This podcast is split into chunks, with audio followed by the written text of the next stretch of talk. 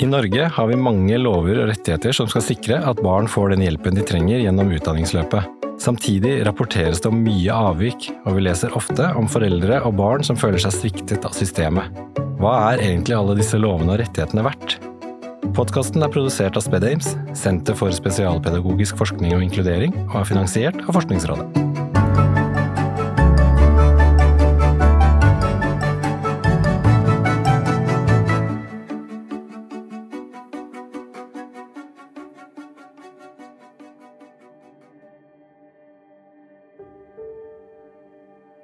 Det var da Storm begynte i tredje klasse, tror jeg. Det ble et blodslit med lekser. Vi skjønte at det, vi kunne sitte i 20 minutter, eller vi kunne sitte en time eller to. Men det gikk ikke. Han klarte ikke. Samme hvor mye han prøvde, så fikk han ikke til. Men det var å lese én av fire sider, et stykke av en tekst, så var det et problem. Og så tok vi det opp årlig, flere ganger i året, på at vi mente på at han leste dårligere alle utviklingssamtaler og alt sammen. Nei, han er strevsom gutt, han er hyggelig. Aldri noe problem med noen venner på skolen. Han jobber. Orden i sakene sine. Men vi, vi fikk jo aldri den At han mestra skolen. Og det var det som var problemet, så vi maste, vi maste, og vi fortsatte å maste. Og det gikk år ut og år inn. og nå skulle hun kutte ned lekser skulle vi leie bøker, masse bøker. Så vi leide jo masse bøker som han hadde interesse for, men vi fikk den jo aldri til å lese. Det blir vel som at jeg skal lese mandarin uten at noen har lært meg det noen gang. Og så skulle vi fjerne leksene. Da tok de helt bort lekser, men det var fortsatt ikke noe problem. Det var, det var aldri noen problemer eller noen tester når vi ser tilbake på utviklingssamtalene. Så det er ikke noe problem, liksom. Han er litt langsom til å lese. Det kommer seg. Sånn fortsatte det i juni 2019, i slutten av femte klasse, så fikk vi utredning fra PPT. Men sakkyndig vurdering kom ikke før i slutten av februar 2020. Skolen fattet ikke vedtak før i april 2020. Og de mente kanskje på at første Logos-testen så var han litt stressa, det var litt mas, men nå har vi sagt ifra i årevis og bedt og spurt og kriga og kjempa om hjelp. Endelig, i mars 2021 så fikk han diagnosen dysleksi. Så trodde vi at det skulle bli en forbedring. Vi trodde jo at han skulle få en med spespedutdanning til å ta løpet, ordne en styring. Men det skjedde ingenting. De påstod at de ga, da. De ga spesialundervisning. Men vi så at det, han hadde jo ingen forbedring. Tenkte du innkjøringsfase greit, tre-fire uker. Så skjer det et eller annet. Men det skjedde ingenting.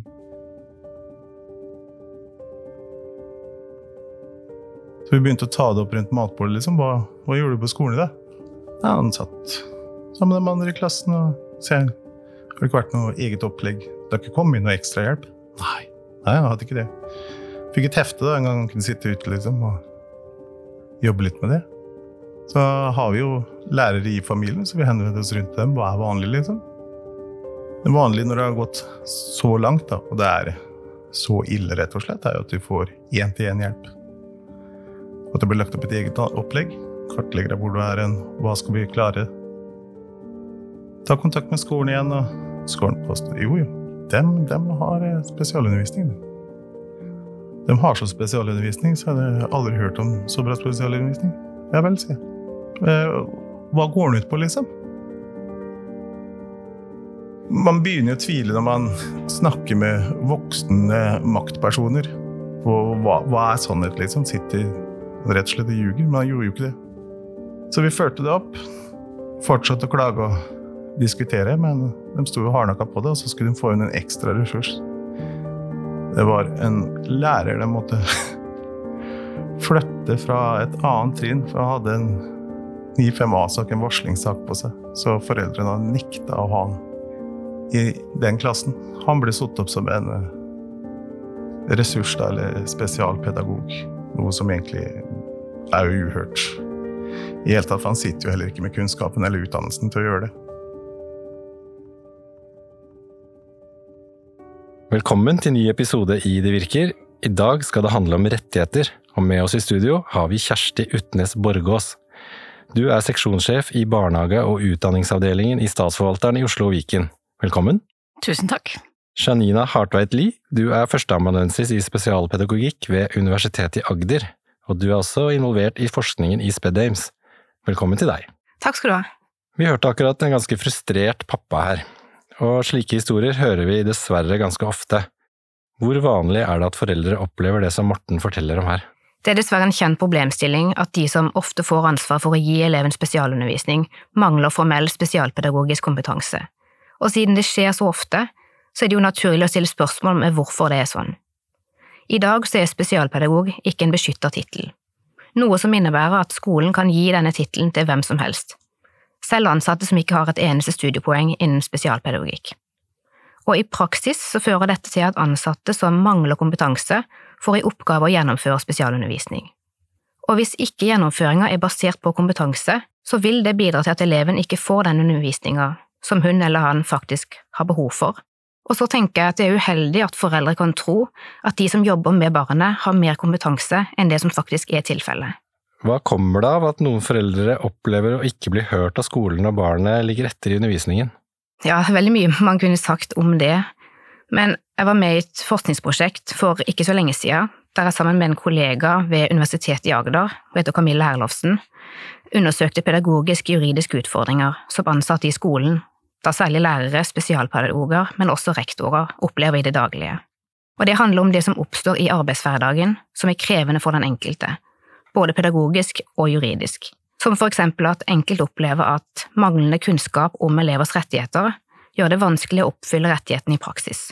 For å få informasjon så ba vi deltakerne i et etter- og videreutdanningskurs i utdanningsrett om å beskrive utfordringer som de har stått i som ansatte i skolen. Og funnene viser blant annet at Enkelte lærere har erfart at skolen ikke melder fra til pedagogisk-psykologisk tjeneste, altså PPT, når de mistenker at en elev ikke har et tilfredsstillende utbytte av den ordinære opplæringa. Og dette er noe som skolen er forplikta til å gjøre. Grunnen til at skolen ikke alltid melder fra, er ifølge flere av deltakerne at skolen ønsker å spare penger. Og det viser jo at økonomiske hensyn går på bekostning av elevens behov, og det er selvsagt ikke tillatt. Eh, jeg tror at eh, Janina peker på flere ting som eh, lyder kjent for oss også. Og jeg tror vi kan si at regelverket er litt dårlig kjent i en del sammenhenger. Og at lærerne ikke helt vet hva de er forplikta til. Og jeg tror også det kan i noen sammenhenger være kommunisert at økonomi spiller en for stor rolle. For det er, eh, akkurat som Janina sier, ikke noe tvil om at du har ikke lov til å legge vekt på økonomiske hensyn når du skal vurdere om et barn har rett på spesialundervisning eller ikke. Men hvilke rettigheter har man i denne situasjonen, da? Hva er det liksom opplæringsloven sier? Nei, Opplæringsloven sier akkurat det som Janina sa, at dersom, eh, dersom, de som er lærere til eleven er i tvil eh, om, om vedkommende kan få et tilfredsstillende utbytte av det ordinære opplæringsløpet, så skal man eh, kartlegge, man skal følge med, man skal eh, teste, man skal på en måte eh, undersøke om det er tilfellet eller ikke. Og hvis det ikke er sånn, så skal man jo da melde fra til rektor, og så skal eleven også vises til PP-tjenesten, som jo er en kjempeviktig og dyktig ressurs i det arbeidet her. Foreldrene til Storm de gjorde jo mye, og alt mye av det du sier. Hva burde de gjort da de først begynte å bli bekymret? Gjorde de det riktig? Jeg tenker at de gjorde det riktige. Eh, man kan ikke, skal ikke kreve mer av foreldre i en sånn situasjon. Det er her, tenker jeg da, i sånne situasjoner, eh, skolen og kommunen som har det overordna ansvaret, som ikke har fulgt opp sånn som de skulle. Retten til spesialundervisning skal utløses når eleven ikke har tilfredsstillende utbytte av ordinær undervisning. Hva betyr egentlig tilfredsstillende utbytte? Finnes det noen kriterier for dette? Ja, altså Kriteriet eller vilkåret for at en elev har rett til spesialundervisning, er at eleven ikke har eller kan få tilfredsstillende utbytte av den ordinære opplæringa. Og for å avgjøre hva som er tilfredsstillende, så må skolen både kartlegge den ordinære opplæringa og vurdere hva som vil være tilfredsstillende utbytte av opplæringa for den enkelte elev. Så først må skolen kartlegge innholdet i den ordinære opplæringa for å avgjøre om eleven får et tilfredsstillende utbytte. Og i dette kartleggingsarbeidet bør skolen for eksempel se på målene for opplæringa og hvordan disse ivaretas i den ordinære opplæringa, innholdet i opplæringa, men også rammene for opplæringa, som for eksempel bruk av mindre grupper i undervisninga, antall lærere, hjelpemidler som brukes og den type ting, da. I tillegg så bør man undersøke elevgruppas, altså klassens, forutsetninger og behov. Det kan for eksempel handle om hvor mye individuell hjelp og tilpasning som gis innenfor gruppa. Dersom skolen har satt i verk organisatoriske eller pedagogiske differensieringstiltak for å sikre at elevene får et tilfredsstillende utbytte, så er det mulig at den ordinære opplæringa er så godt tilpassa at eleven ikke har behov for spesialundervisning. Organisatorisk differensiering handler for eksempel om hvordan elevene skal grupperes for at deres faglige behov og nivå skal ivaretas, mens pedagogisk differensiering handler om at læreren tilpasser, sånn som innholdet eller arbeidsprosessen, til elevens potensial, motivasjon og kunnskapsnivå. Og hensikten med det er jo å støtte den enkeltes motivasjon og også videre faglig utvikling. Etter at skolen har kartlagt hva den ordinære opplæringa består av, så må man vurdere om dette tilbudet gir eleven et tilfredsstillende utbytte. Og skolen må blant annet vurdere elevens mestrings- og funksjonsnivå, læringsforutsetninger og utviklingsmuligheter, men også sånn som arbeidsmåter og læringsmiljø. Men i tillegg så må man også se på hvordan det ordinære opplæringstilbudet er tilrettelagt. Så det er altså en totalvurdering av mange forskjellige forhold som avgjør om en elev til syvende og sist får et tilfredsstillende utbytte av ordinær undervisning. Og det som jo egentlig er interessant eh, i dette her sånn, eh, fordi det er jo som du sier at, eh, at dette kriteriet tilfredsstillende utbytte, det står jo der i loven, men det må jo tolkes og gis mening på den enkelte skole. Ikke sant? Hva er ordinær undervisning hos oss? Og det er jo avhengig av veldig mye forskjellig. Rammebetingelser som altså, sånn fysisk, altså hvilke rom har vi tilgjengelig, hvilke personale har vi tilgjengelig, med hvilken kompetanse.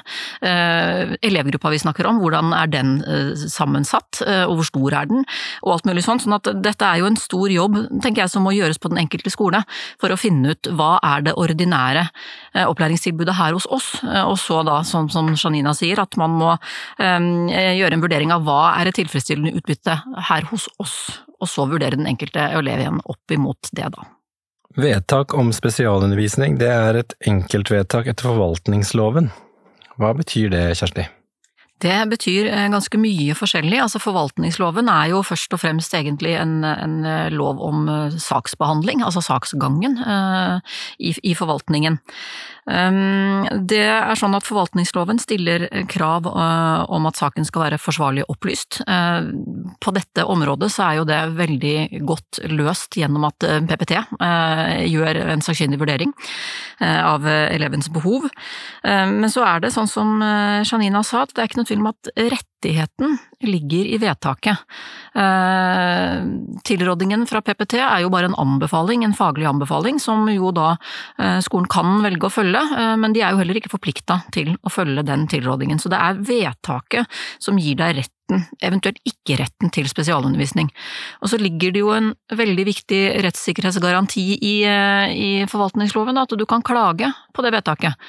Eh, og du kan klage hvis du ikke får spesialundervisning, du kan klage hvis du får spesialundervisning, men hvis du mener at um, omfanget av den uh, opplæringa ditt barn uh, har fått er for lite, du kan klage på hvilke fag uh, man har fått spesialundervisning i, du kan klage på organiseringa, du mener for eksempel ikke at det skal være så mye én-til-én, du vil heller ha mer inne i klassen. Um, og du kan klage på kompetansen som, som da den som gjennomfører um, spesialundervisninga skal ha. Så det at det blir fatta et enkeltvedtak er veldig viktig, eh, ikke bare på dette området, men, men, særlig her kanskje da. Men hva er skolens plikt da, når det kommer til å gi spesialundervisning etter dette vedtaket er gitt?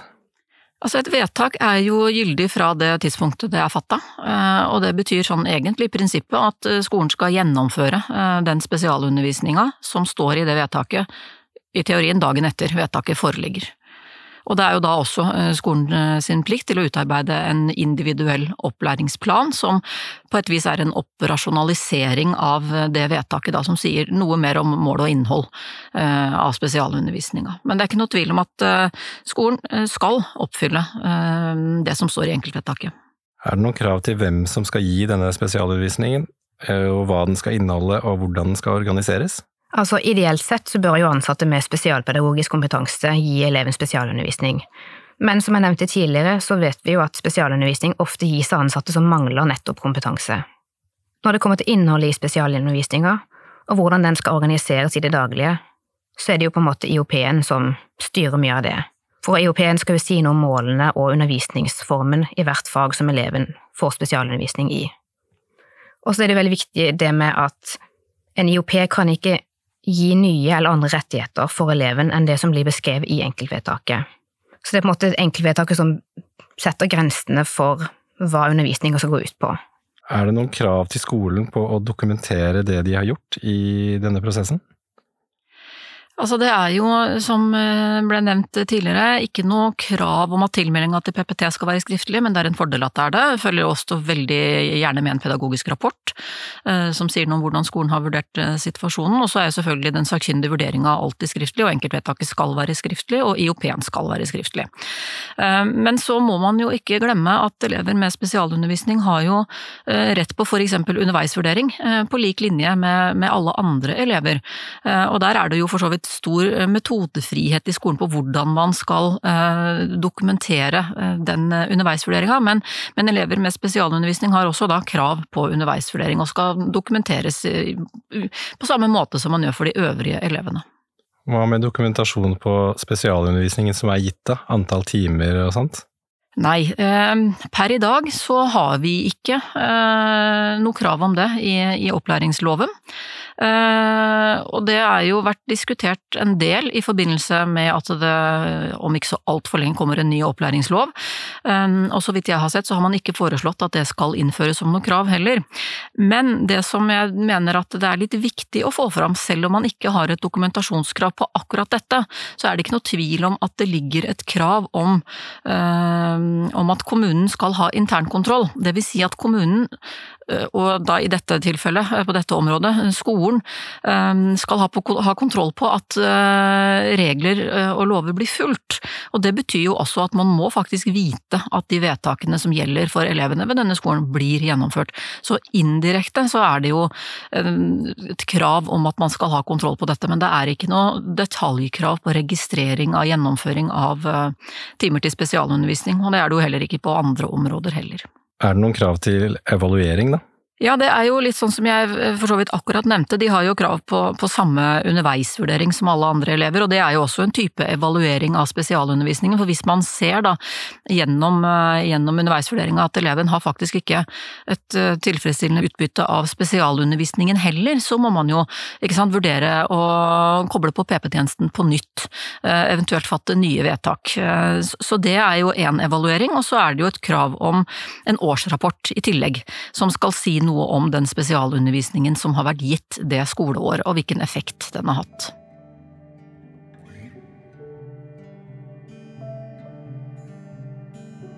Det endte med at vi, vi samla vel til en hel masse informasjon og klaga det inn til statsforvalter. Så statsforvalter fikk vi medhold oss. Problemet med statsforvalter og medhold er det at Greit, de gir et medhold, men de sikrer ikke videre opplæringsgang. De gir gullkorn f.eks. sånn at skolen avgjør hva som er pedagogisk forsvarlig til barnets beste. Og så skriver de at det skal utredes en plan eller lages en plan i samråd med hjem og eleven til barnets beste. Problemet er jo at det, hvis de ikke gir timene, så blir de heller ikke tatt på noe. De trenger ikke å føre noe regnskap. Vi har sittet i møter der hvor jeg sier at har dere regnskap da, på spesped-timene som dere har gitt? Hvor assisterende rektor sier at Skal jeg gå inn i fraværslistene, da, eller? Eh, jeg ble jo helt satt ut. Trenger du å gå inn i fraværslistene for å få et regnskap på hvor mange spesialtimer dere har gitt til sønnen min, så gjør gjerne det. Blir helt stille sier at ja, nå skulle ordne det. Det skjedde jo aldri noe. Vi fikk jo aldri en regnskap over det der.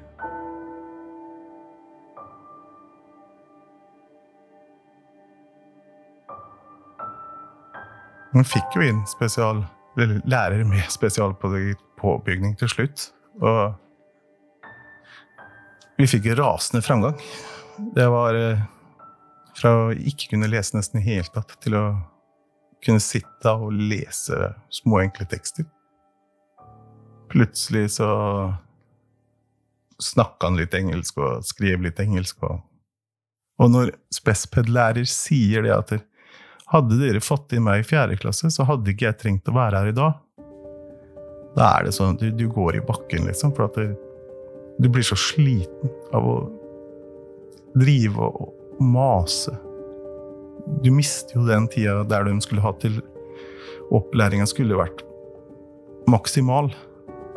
Det er mye av det de kaller for spesialundervisning før vi fikk medhold fra statsforvalter på klage, som er Han sitter i klassen, altså rekk opp hånda hvis du trenger hjelp, gutten min. Ja, men han har dysleksi. Det er klart han trenger hjelp. Eller å sette den ut på grupperom, og så springer jo stakkars kontaktlæreren da, fram og tilbake mellom ordinær klasse og ut i rommet til han. Så da får stuene litt bort. Da. Så kan de si vi har gitt spesialundervisning. Vi har kontakta ledelsen ved skolen, direktør for undervisning og oppvekst, kommune og administrasjon. Vi har sendt mailer til politikere. Det er ingen plan. Du får et vedtak. Innenfor det vedtaket så får du nesten frie rammer. Det er ikke noe krav om at du skal ta igjen noen tapte timer. Det er ikke krav om hvordan egentlig skal gjennomføre det eller gjøre det i hele tatt. Så lenge de klarer å produsere minste trolige regnskapet på at de har en spesialundervisning, så er det greit. Det blir aldri en kartlegging på hvor mange er det. Og det var det som plager oss, og plager meg enda. At jeg vet det er mange. Det er ikke bare min sønn. Så det vi gjør, er at vi, vi skaper skoletapere, rett og slett. Det er det jeg syns er Det er tungt å vite at det skjer, og at det skjer sånn systematisk, for det handler om penger.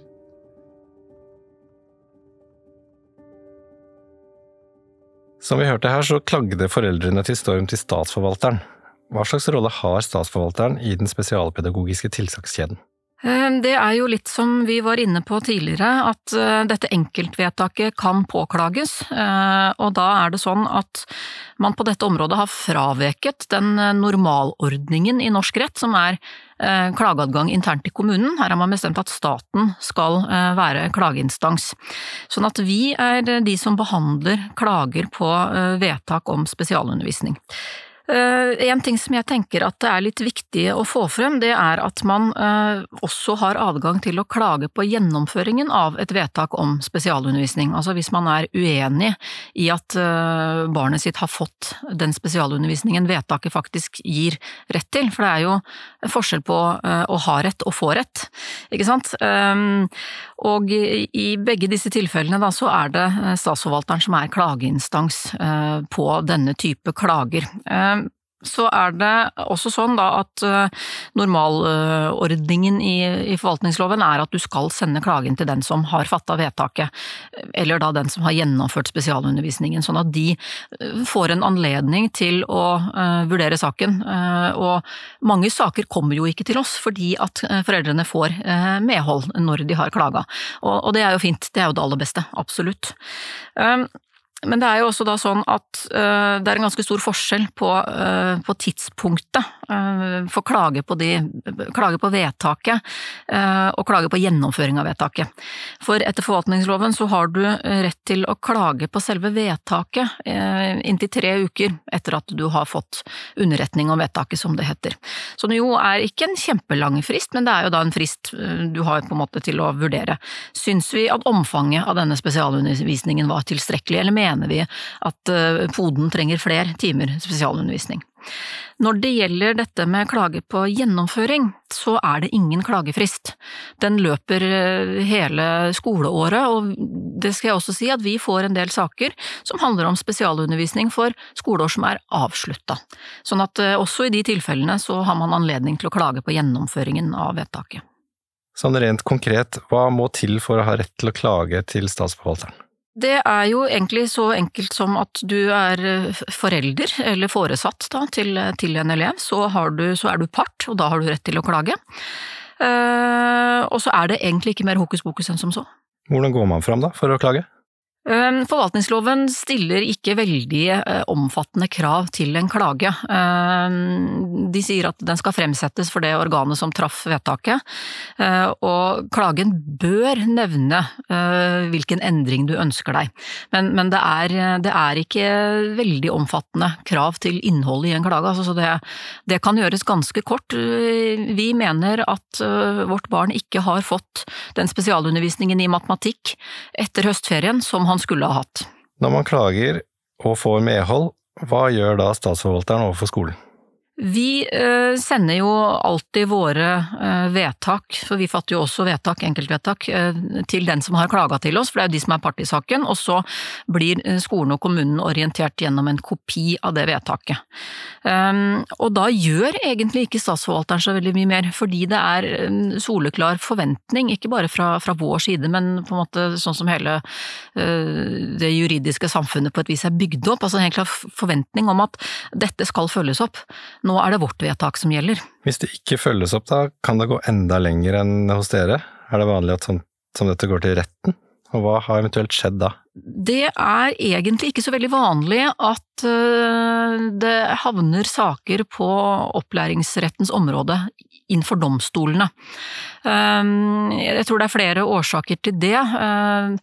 Jeg opplever egentlig at det utgangspunktet er en litt sånn lang og bratt bakke eh, å gå opp og få medhold eh, i retten, eh, fordi det er et erstatningssøksmål du da må fremme, og da må det blant annet foreligge et økonomisk tap. Og det er jo ganske vanskelig å på en måte begynne å, å lage sannsynlig, en sannsynlig beregning av det økonomiske tapet for en elev som kanskje går på femte trinn, da, ikke sant, og si at det vil medføre et inntektstap når, ikke sant, det er, det er en lang vei å gå. Så jeg tror det er en av årsakene til at det er eh, få saker eh, i retten, eh, i retten på dette. Men det du kan øh, gjøre, det er jo å, å for, for, vi er jo, statsforvalteren er endelig klageinstans. Men man kan alltid øh, da, etter at det har vært hos oss, henvende seg til Sivilombudet, som i, i, en god del tilfeller går inn i disse sakene.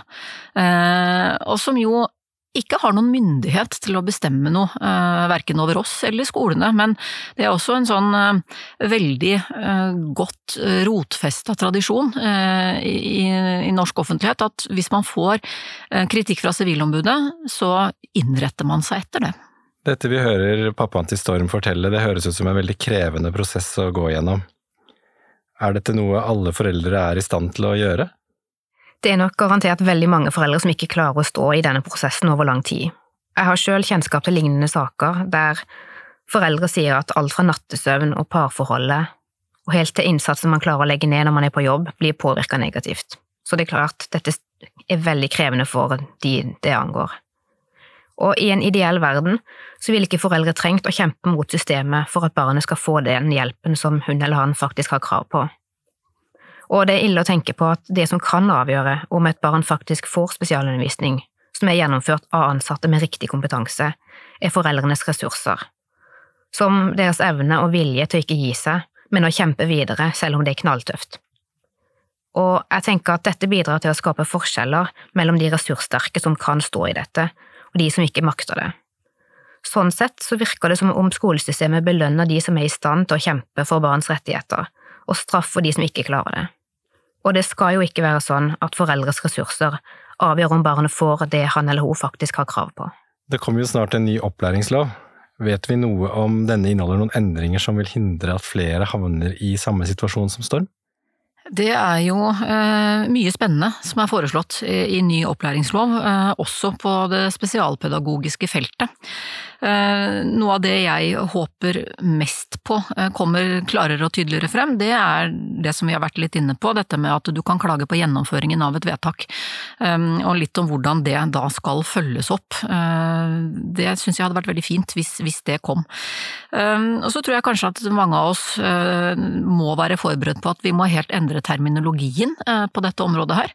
Det er jo ikke nødvendigvis en så stor innholdsmessig endring, men, men, det, men det er jo også noe mer enn å bare bytte ut ord. Det er jo innhold i noen av disse endringene som foreslås også. Men eh, det er vanskelig å spå, eh, særlig om framtida. Denne proposisjonen skal forhåpentligvis legges fram for Stortinget før påske. Det blir kjempespennende, rett og slett, å se. Helt til slutt vil jeg gjerne spørre begge to. Det ligger mange rettigheter som skal sikre at barn får den hjelpen de trenger gjennom utdanningsløpet. Vi har rettighet etter opplæringsloven, det fattes et vedtak etter forvaltningsloven, vi har klagemulighet til statsforvalteren, men samtidig så rapporteres det om mye avvik. Er egentlig alle disse rettighetene verdt noe? Jeg tenker jo at en rett til spesialundervisning i høyeste grad er verdt noe, så lenge spesialundervisninga gis av fagpersoner med riktig kompetanse, og det er jo helt avgjørende for at undervisninga skal bli en suksess og bidra til økt læring, men også utvikling hos eleven. Og vi må prøve å unngå at elever får det som gjerne kalles for en rettighet på papiret, men ikke i praksis. Og det er klart at For eleven så er det jo ingen hjelp å ha et enkeltvedtak som gir en rett til spesialundervisning, om eleven ikke får spesialundervisning i praksis. Ja, jeg tenker også at disse rettighetene er, er verdt noe, og hvis du ser på eh, hvor få klager vi faktisk får på dette, eh, så er det litt farlig selvfølgelig å trekke, trekke slutninger om det, men, men, det kan jo også tyde på at det er en god del der ute som virker. At det er mange elever som får den spesialundervisninga som vedtaket eh, deres har gitt dem. Så ja, jeg, jeg er ikke en tilhenger av å, å kutte ut hele konseptet rett til spesialundervisning. I denne episoden har vi snakket om rettigheter innen spesialpedagogikk. Gjester i studio har vært Kjersti Utnes Borgås, seksjonssjef i Statsforvalteren i Oslo og Viken, og Janina Hartveit Lie, førsteamanuensis i spesialpedagogikk ved Universitetet i Agder. Tusen hjertelig takk for at dere ville være med i podkasten vår. Det har vært en glede å ha dere her. Tusen takk. Takk for at vi fikk komme. Denne podkasten er produsert av SpedAmes, Senter for spesialpedagogisk forskning og inkludering. SpedAmes er finansiert av Forskningsrådet og er et samarbeid mellom Universitetet i Stavanger, Universitetet i Agder, Nord universitet, Universitetet i Bergen og Universitetet i Oslo. Takk for at du hørte på.